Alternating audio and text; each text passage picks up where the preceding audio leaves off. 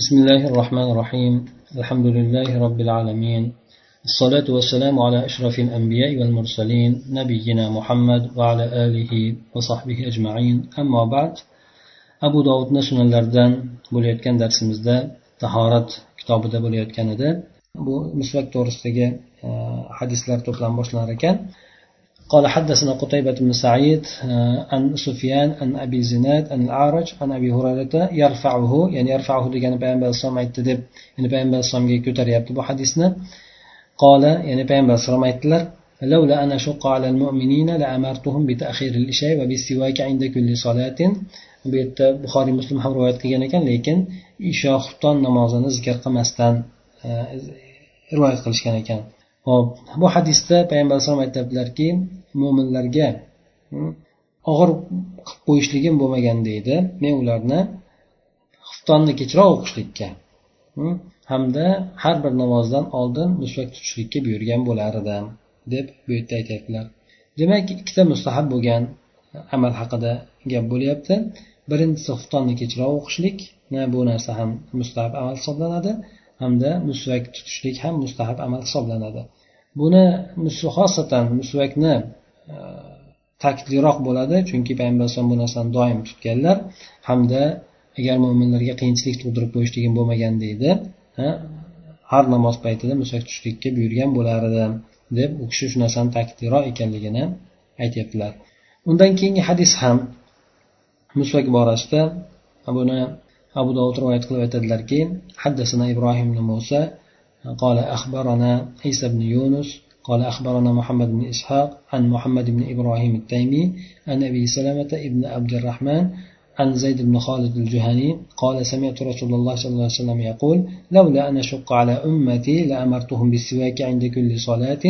قال أبو سلمة فرأيت زيدا يجلس في المسجد وإن السواك من أذنه موضع القلم من أذن الكاتب فكلما قام إلى الصلاة استاك.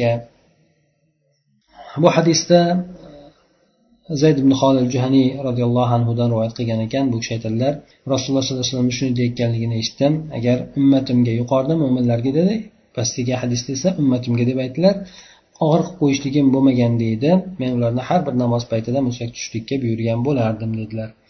Bu yerda abu salama aytadilarki o'sha roviy aytadiki men o'zim zayd ibn e, o'sha holid juhaniyni masjidni ichida o'tirgan holatda ko'rdim.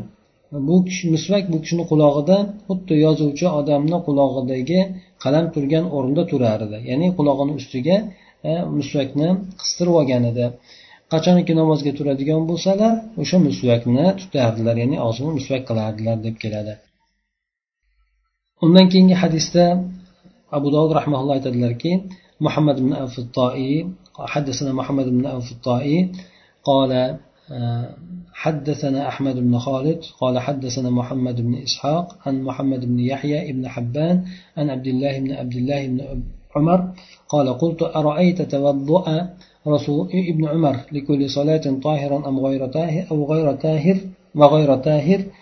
عم ذلك.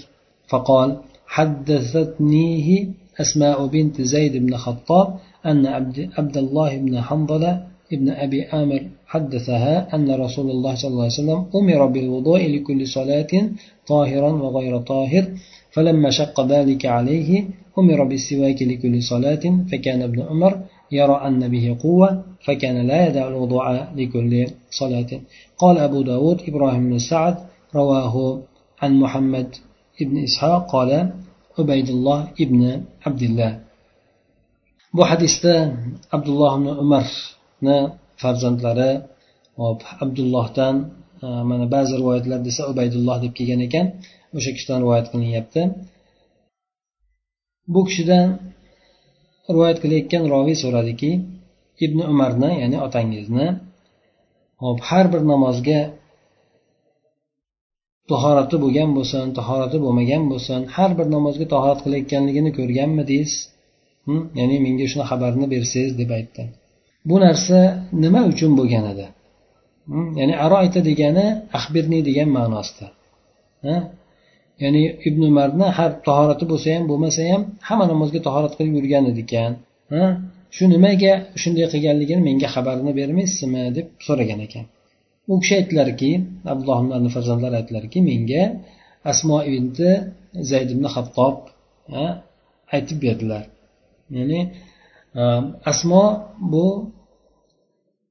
umarni akasini o'g'il qizlari ya'ni abdulloh bilan bu amakivachchalar ekan amakisini qizlari bo'ladi shunga abdullohni o'g'liga esa bu ayol amma bo'ladi amma bo'lmaydi ya'ni qarindosh bo'lar ekan shu menga aytib bergan deydi ya'ni abdulloh ibn hanzala ibn abi omir menga aytib bergandi u ayolga aytib bergan ekan shunday deb aytgan ekanki rasululloh sollallohu alayhi vasallam har bitta namozga tahorati bo'lgan bo'lsin bo'lmagan bo'lsin tahorat olishlikka buyurilgan edi. Avval demak payg'ambar alayhisalom har bitta namozga yangi tahorat qilishlikka buyurilgan ekan. Bu narsa u kishiga og'ir kelib qolgan paytida ya'ni yoshi o'tib biroz mashaqqat tug'dirib bo'lgan paytida har bitta namozga musvak tutishlikka buyurildilar bu kishi. Ibn umar o'zida quvvat borligini ko'rardilar ya'ni meni kuchim yetadi deyardilarda. Bu kishi har bir namozga tahoratni qo'ymasdilar ya'ni har bitta namozga tahorat olardilar dedi.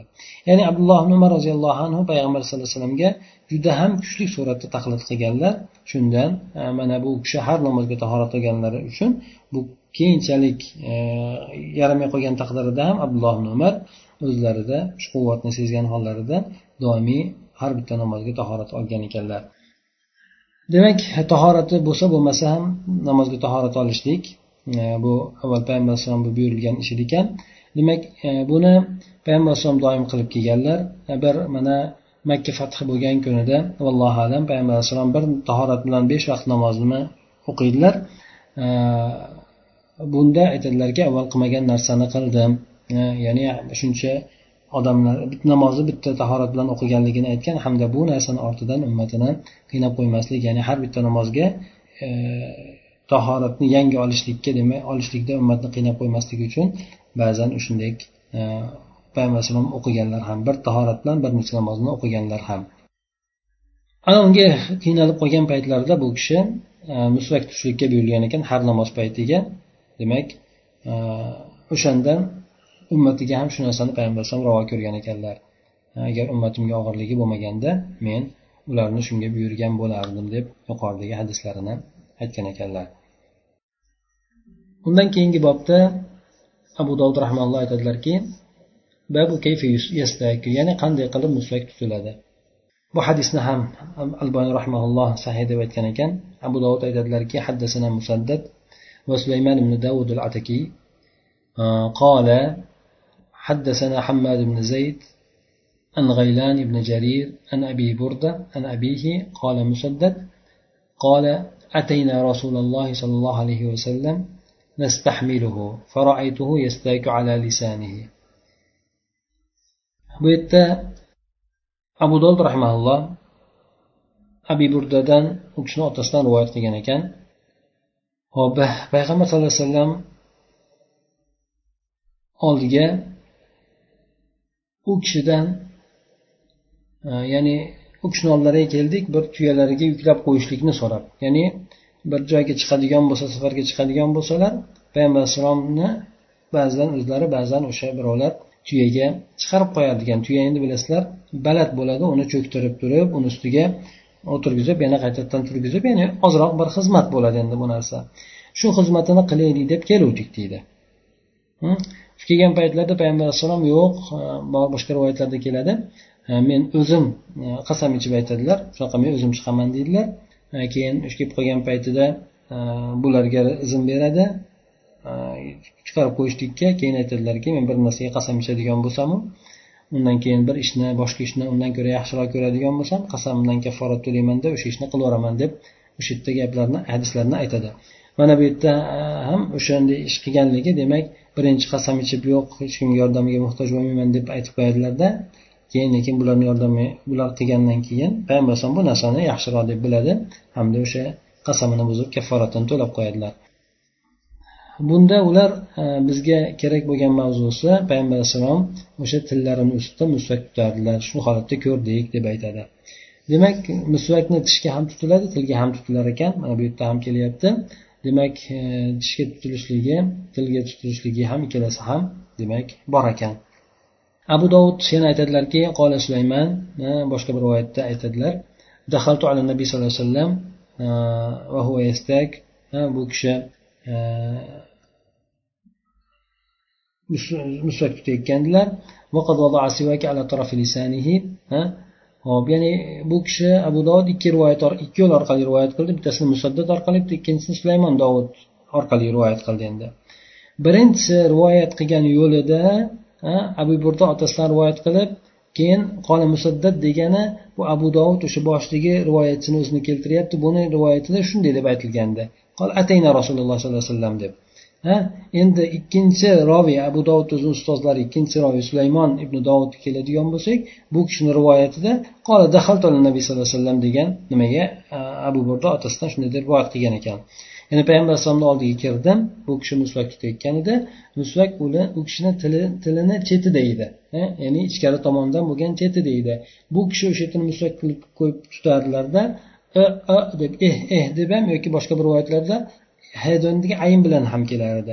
E, deb turib musvak tutardilar. Ya'ni go'yoki qayd qilardilar. Va buxoriy rivoyatlarida go'yoki qayd qilardilar deb keladi. Demak bu yerda inson qayd qilmaydi balki go'yoki qayd qilayotgandek bo'ladi. Ya'ni tilni ichki og'zini ichkari tomoniga musvak kiradigan bo'lsa albatta ko'ngli aynishligi bo'ladi. U kishini demak ko'ngli aynigandek o'shandek ya'ni qattiqroq qilib tutardilar ekan musvak tutishlikni o'sha joylarigacha tillarini tozalab turib endi. Demak bu ikkala yuqoridagi rivoyatlar orqali bilamiz ekanki inson tishiga ham tiliga ham mushak tutishligi ana undan keyingi yana rivoyatda aytyaptiki ya'ni e, musaddad aytgan ekanlarki bu hadis uzun edi lekin e, buni qisqartiribroq bergan ekan. Hop. Demak musvak tutishlik bu e, namozga kirishlik tahoratni sunnatlardan hisoblanadi namozga kirishlikdan oldin qilinadigan yoki mana ba'zi rivoyatlarda keladi. Ha bitta tahorat olayotgan paytida ham musak tutishlik hamda namozga kirishlikdan oldin ham musak tutishlikni e, ta'kidlab aytilgan hadislar keladi.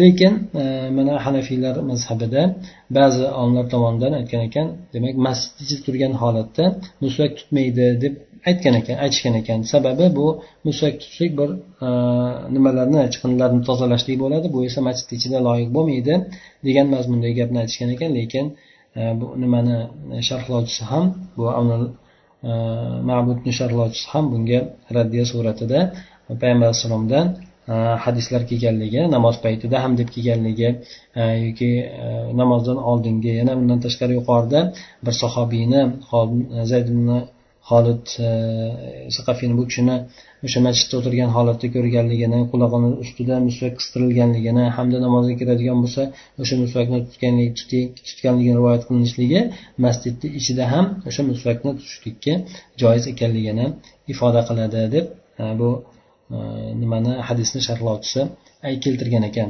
Demak shundan e, masjidni ichida bo'lsa payg'ambar alayhisalomni yana hamma holatlarda o'sha tutadilar mushak tutadilar deb ham keladi o'sha masjid ichida bo'lsin tashqarida bo'lsin hattoki ba'zi kelsa kerak ba'zi boshqa rivoyatlarda hattoki odamlar bilan suhbatlashib turgan paytida ham o'sha musvak tutganligi aytib o'tiladi سبحانك اللهم وبحمدك نشهد أن لا إله إلا أنت نستغفرك ونتوب إليك